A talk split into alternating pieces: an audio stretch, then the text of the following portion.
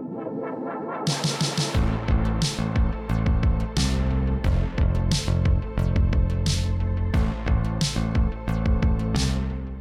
hjertelig velkommen til Bibelprat med Kurt. Vi sitter her med Kurt Hjemdal.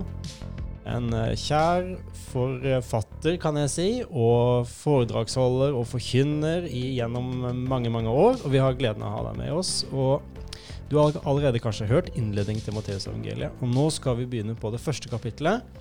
Og planen er nå å gå gjennom kapittel for kapittel av Matteusevangeliet. Denne podkasten den håper vi skal være en hjelp og ressurs til deg som bibelleser. Og du kan gjerne, hvis du har muligheten, så kan du gjerne sitte med evangeliet, Matteus evangeliet foran deg, og mens vi går igjennom nå kapittel 1. Yes. Da er vi klare. Asbjørn Smeland er også her med oss. Johannes Vålandsmyr. Eh, vi går rett på sak i Matteus kapittel 1. Og det første vi møter da, Kurt, det er en ettertavle som kanskje mange, når de ser det, bare glatt hopper over. Og, det var liksom noe veldig oppramsing her. Og, men som, eh, som, vi vet eh, dette her eh, papiret, eller dette skinnet som de skrev ned på, det var kostbare greier. Her var plassen eh, Her må du virkelig tenke seg om hva han skulle ta med. Og så tar han med en lang ettertavle. Dette må tydeligvis være veldig, viktig for, eh, for, forfatterne. Hvorfor gjør han det? Det gjør han fordi ettertavlen i jødisk tradisjon er en form for historiefortelling. Når du skal fortelle historien bakover, så er ettertavlen en veldig konsentrert form for historiefortelling. Og når du leser ned gjennom den her, så møter du hele den gamle testamentlige historie, helt tilbake til Abraham. Så gjennom disse navnene så presenteres du for hele Det gamle testamentet. Og for en jøde så er dette svært interessant. For enhver jøde må ha sin ettertavle klar. Hvis ikke han har det, så kan det sås tvil om han virkelig er jøde. Og Derfor var jødene veldig opptatt av ettertavlene sine. Vi driver med slektsforskning og syns det er moro hvis vi kan finne navnene på våre forfedre langt tilbake. Det betyr ikke så mye, men det er gøy. For dem var det livsviktig, for det viste deres tilhørighet til den stammen i det jødiske folket, og ga dem rett til å være jøder. ikke sant? Så ettertavlen er både en form for legitimasjon, og det er samtidig en viktig form for historiefortelling. Og leser du ettertavlen, så er den fryktelig spennende på to punkter. For det første, den gir oss 14 eh, etterledd fra Abraham til David, 14 etterledd fra David til bortførelsen til Babylon, og 14 etterledd fra bortførelsen til Babylon frem til Jesus. Det må ha vært mange flere ledd enn dem Matteus han henter frem. Det er tydelig han lager en stilisert ettertavle. Og det han tegner, det er på en måte en opptur til David, en nedtur til eh, landflyktigheten i Babylon, og en opptur til Jesus. Her tegnes et mønster. og vi møter altså de viktigste punkter i Israels historie som forutsetning for Jesu fødsel. Så på den måten er Matteus med til å gi oss en viktig historieforståelse. Og samtidig, hvis du leser denne ettertavlen grundig, så ser du fire kvinnenavn. Det er ganske oppsiktsvekkende. Vanligvis inneholdt jødiske ettertavler bare mannsnavn. Her møter du navnet på Tamar, på eh, Rahab, på Ruth og på Batseba. Og alle de fire kvinner er spesielle på den måten at uh, dramatiske begivenheter er knyttet til dem. Tamar det er hun som i første Mosebok får barn med sin svigerfar Juda etter han prøver å narre henne fra å få avkom. Og Tamar er altså et viktig navn. Hun er rå overfor en uh, svigerfar som behandler henne råttent. Og hun greier altså å få til eh, slekt, ellers så hadde hun vært barnløs. Og det var en skam i det jødiske samfunn. Uh, Rahab, det er skjøgen, den prostituerte som tar imot speiderne som Josva sender inn i landet. Et tvilsomt kvinnemenneske i en hedensk by. Uh, Ruth hun er moabiter inne. Ifølge Det gamle testamentet kan moabitter ikke være med i gudsfolket. Men en av dem er altså stammor til kong David. Og Batseba, ja ja, den historien kjenner vi om kong David, som ble hjemme fra krigen ikke sant, og la seg med en av soldatenes koner. Tre med en veldig tvilsom fortid og en fjerde som er åpenlys hedning, moabiterinne. Og så markerer altså Matteus i denne etterliste veldig tydelig Jesus er kommet for å ta seg av syndere, og han har i sin slektstavle hedninger. Når han er kommet, så er han ikke bare kommet for jødene, han er kommet for alle mennesker. Han er kommet for hele verden. Og allerede denne ettertavlen, som på den ene siden er en øyeåpner for enhver jøde som er opptatt av sin ettertavle bakover og sin historie, den er samtidig en sterk evangelieforkynnelse, veldig stillferdig, gjennom fire kvinnenavn som varsler det femte, nemlig Maria. Mm. Den lille kvinnen som føder uten mann i, i bildet, ikke sant? Mm. og som sikkert har fått dårlig rykte av det. Så, så, det er veldig interessant å se hvordan denne eddetavlen faktisk har et sterkt budskap og har en viktig funksjon. Men først og fremst naturligvis for de jøder som leser evangeliet, fordi for dem har eddetavlen en helt annen betydning enn for oss. Men hørte jeg det riktig at, at her er det egentlig mange flere ledd ja, enn ja. det som faktisk er med her? Ja, og hvis du leser hos Lukas i Lukas 3 og ser hans ettertavle, så er den ganske forskjellig fra den hos Matteus, og det er jo interessant. Oh, ja. For det er jo den samme ett øh, de beskriver. Øh, så det er helt tydelig at Matteus har ikke beflittet seg på å få med absolutt alle. Han har stilisert sin ettertavle. Det kan man godt gjøre. Det var mm. ikke uvanlig i jødedommen. Øh, så han har altså sørget for å tegne et mønster 14, 14, 14. Og på den måten så To, hva er 14? Det er to ganger sju. Ja, men sju er jo det viktigste tall i, blant de hellige tallene. Tenk på Johannes' åpenbaring. De sju seil, de sju brev, de sju personer, de sju vredeskåler. Sjutallet er et viktig tall. Det er tallet for helheten. Og to ganger sju, det blir altså helheten i sitt mangfold. ikke sant? Så her er en lang historie men samtidig en stilisert, en hellig historie knyttet til hellige tall. Mm. Og på den måten så forkynner altså Matteus for jøder som er veldig opptatt av de hellige tallene, og veldig opptatt av ettertavlene. Så denne ettertavlen den sier mye mer enn bare en lang rekke navn. Den har et budskap i den form du møter den. Mm. Uh, i, i, vers uh, 18 så står det at Maria var lovet bort til Josef. Hva, hva, hvorfor bruker de det ordet 'lovet bort'? Fordi det var slik i Israel, som det jo har vært i mange også i vår kultur, at ekteskap var ikke noe mellom to, men det var familier. Mm. Ikke sant? Eh, det var fedrene som avtalte. Og man ble lovet bort, for her var det en handel. Det var en brudepris som skulle betales. Det kan du lese om i Det gamle testamentet. Så vi får jo inderlig håpe at de to var glad i hverandre, men det var egentlig ikke det viktigste. Det viktigste var at familiene ble ført videre, og da var det fedrene som i høy grad bestemte hvem som skulle gifte seg med hvem. ikke sant?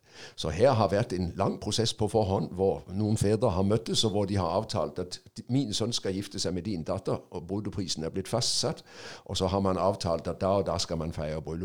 Sant? Vi kjenner jo dette fra dagens situasjon med disse som kommer fra India, f.eks. fra Pakistan, ikke sant? og som er lovet bort av fedrene, og som ikke får lov å bestemme selv hvem de skal gifte seg med. De må bare ta den de får. ikke sant? Så det er en lang, lang tradisjon. Ekteskap er altfor viktig til bare å være en privatsak mellom to mennesker. Det har vi glemt i, i, i dag, men sånn var det jo. Er det, er, det, er det, ellers generelt store likheter mellom ekteskap den gangen og ekteskap i dag? Eller er det andre ting som er greit å vite om her som bibelleser? om dette med... Ja, F.eks. det at når man er trolovet, så er man han har sagt låst i gås øyne til den mm. ene. Mm. Men det forutsetter tydelig at man lever ikke sammen før man er gift. Nei. Men det å bryte ut av en trolovelse, det var meget alvorlig. For ja. her var allerede tegnet en kontrakt. Så en, et brudd på en trolovelse, det var et kontraktsbrudd. Og det ble tatt dypt alvorlig. og Derfor ser vi jo at eh, det står i beretningen at Josef han vil ikke skade Maria.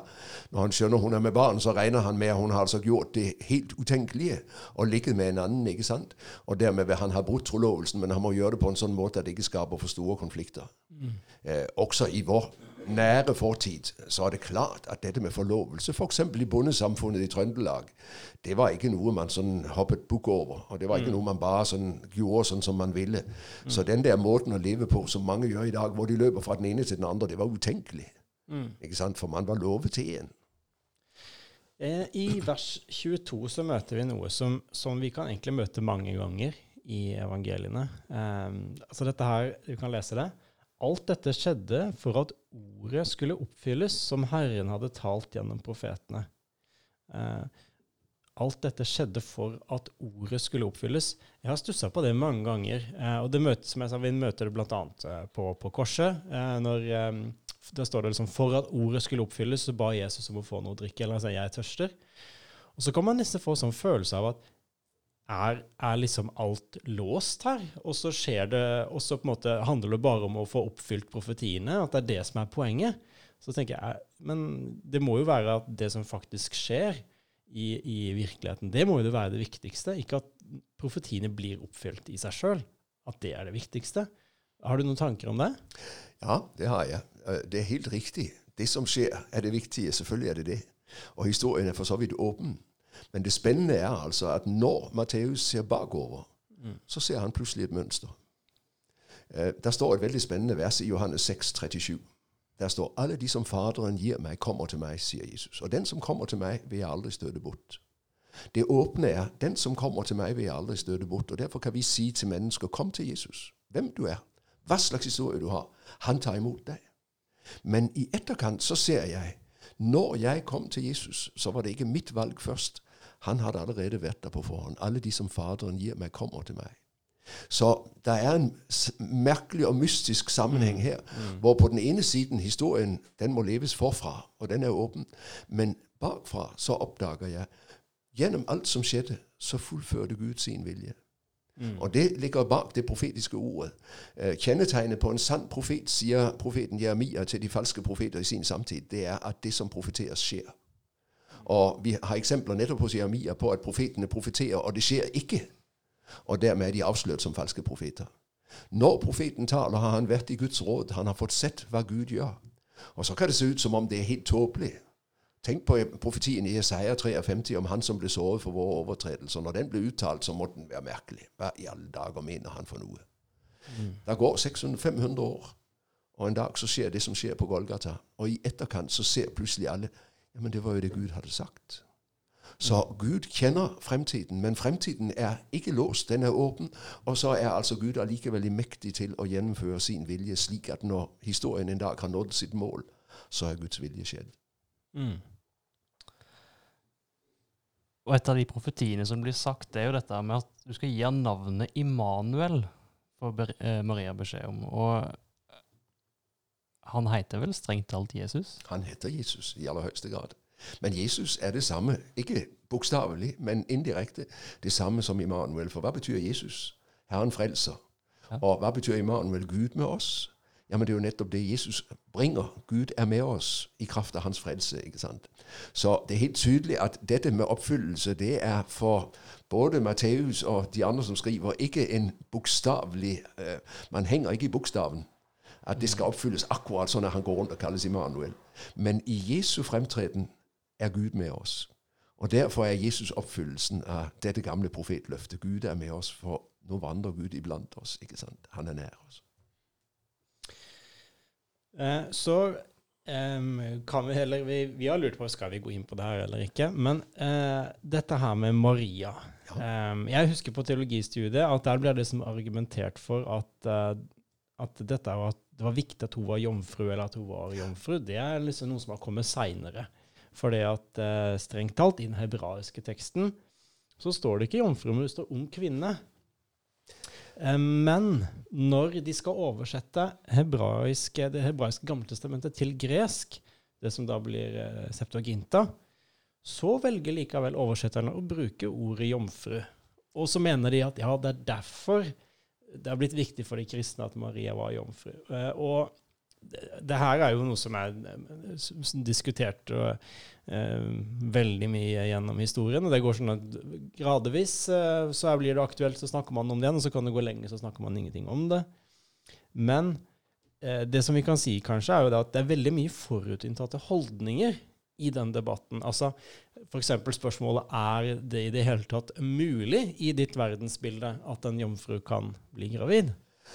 Og Derfor er det helt klart at dette har selvfølgelig med nettopp verdensbildet å gjøre. Hvis underet er umulig, hvis alt er låst, så er det klart så har ikke Jesus blitt født av en jomfru. Ja, da må du finne en alternativ forklaring. Da må du finne alternative forklaringer. Ja, ja. Men for en kristen og for en, et menneske som har møtt Gud, så er underet ingen umulighet. For det går som en rød tråd gjennom Bibelen.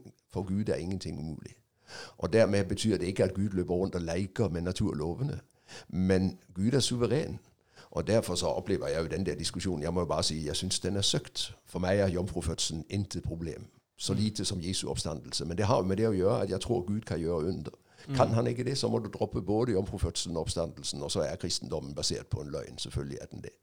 Eh, det er riktig at i Jesaja 7,14 så står det på hebraisk at den unge kvinne skal bli fruktsommelig og føde en sønn. Og ordet som er brukt i Jesaja 7, det er ordet alma på hebraisk, som betyr ung kvinne uten å si om hun er gift eller ikke gift. Men det er jo altså veldig interessant at når jødiske skriftlærde et par hundre år eller 150 år før Kristus oversetter Det gamle testamentet fra hebraisk til gresk, fordi så mange jøder ikke lenger er hebraisktalende og må ha det på et språk de forstår, så bruker man altså ordet for jomfru på gresk. ikke sant? Og Det betyr jo at de som har arbeidet med Skriften blant jødene, de har uten videre oppfattet at denne unge kvinnen hun er ikke gift, hun er jomfru. Mm. Og, og, dermed så er, er, det ingen betingelse for jomfrufødselen om du skriver uh, ung kvinne eller jomfru i Jesaja 7,14. Men oppfyllelsen viser hun som føder Jesus, hun er jomfru. For hun føder uten manns medvirkning. Mm. Så for meg så er det der en søkt diskusjon. Jeg syns den er fryktelig uinteressant. Ja. Jeg tenker at du som uh, hører på det her, og, og kan kanskje til tider møte det spørsmålet fra, fra ikke-kristne venner, eller fra kristne venner, om jeg, jeg tror du virkelig på jomfrufødsel? Og det som kanskje jeg tenker kan være bra for deg som hører på, å vite da, det er nettopp det vi var inne på nå, at dette her handler om verdensbildet. Og det er liksom det du kan fyre tilbake med i den diskusjonen. Men ok, vi kan godt snakke om det her, men da må vi først snakke om hva er mulig? Hva er det som er mulig å skje i ditt verdensbilde? For hvis det her er umulig, så har du på en måte låst deg så, i ett perspektiv. Så er vi ferdig med diskusjonen ja, før den har begynt. Egentlig det, ja. ja, ja. Helt kort eh, til slutt, Kurt. Hva kan vi lære av dette første kapittelet til Matteus, som Jesu lærlinger? Ja, Vi kan lære noe veldig viktig, nemlig at Gud bøyer seg til de små. Ja. Eh, jeg nevnte de fire kvinnenavn i uh, slektslisten. Har du lyst, og er du interessert, sett deg ned og finn dem i Det gamle testamentet og les historien, og se hvem det er Gud bruker. Det er veldig oppbyggelig. Og det samme med Maria og Josef. To små egentlig uanselige mennesker i en liten avkrok. Nasaret var et lite sted. Og det hadde ingen uh, stor betydning i jødisk historie. Det er et nokså nytt sted. Men der er det Gud setter i gang frelsens historie. Han er ikke avhengig av de store. Ikke av keiseren i Rom, ikke av kong Herodes. Han bøyer seg til de små og velger dem. Og så gjør han under der hvor ingenting synes å kunne skje. Der fører han sitt rike frem.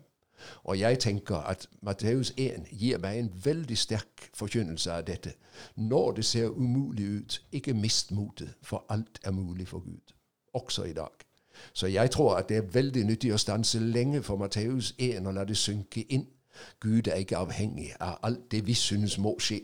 Gud kan gjøre under, nettopp der hvor vi sier her kan ingenting skje. Da lar vi det være siste ord. Var det gildt å høre på denne podkasten, må du gjerne gi en gave til Nordmisjon sitt arbeid, f.eks.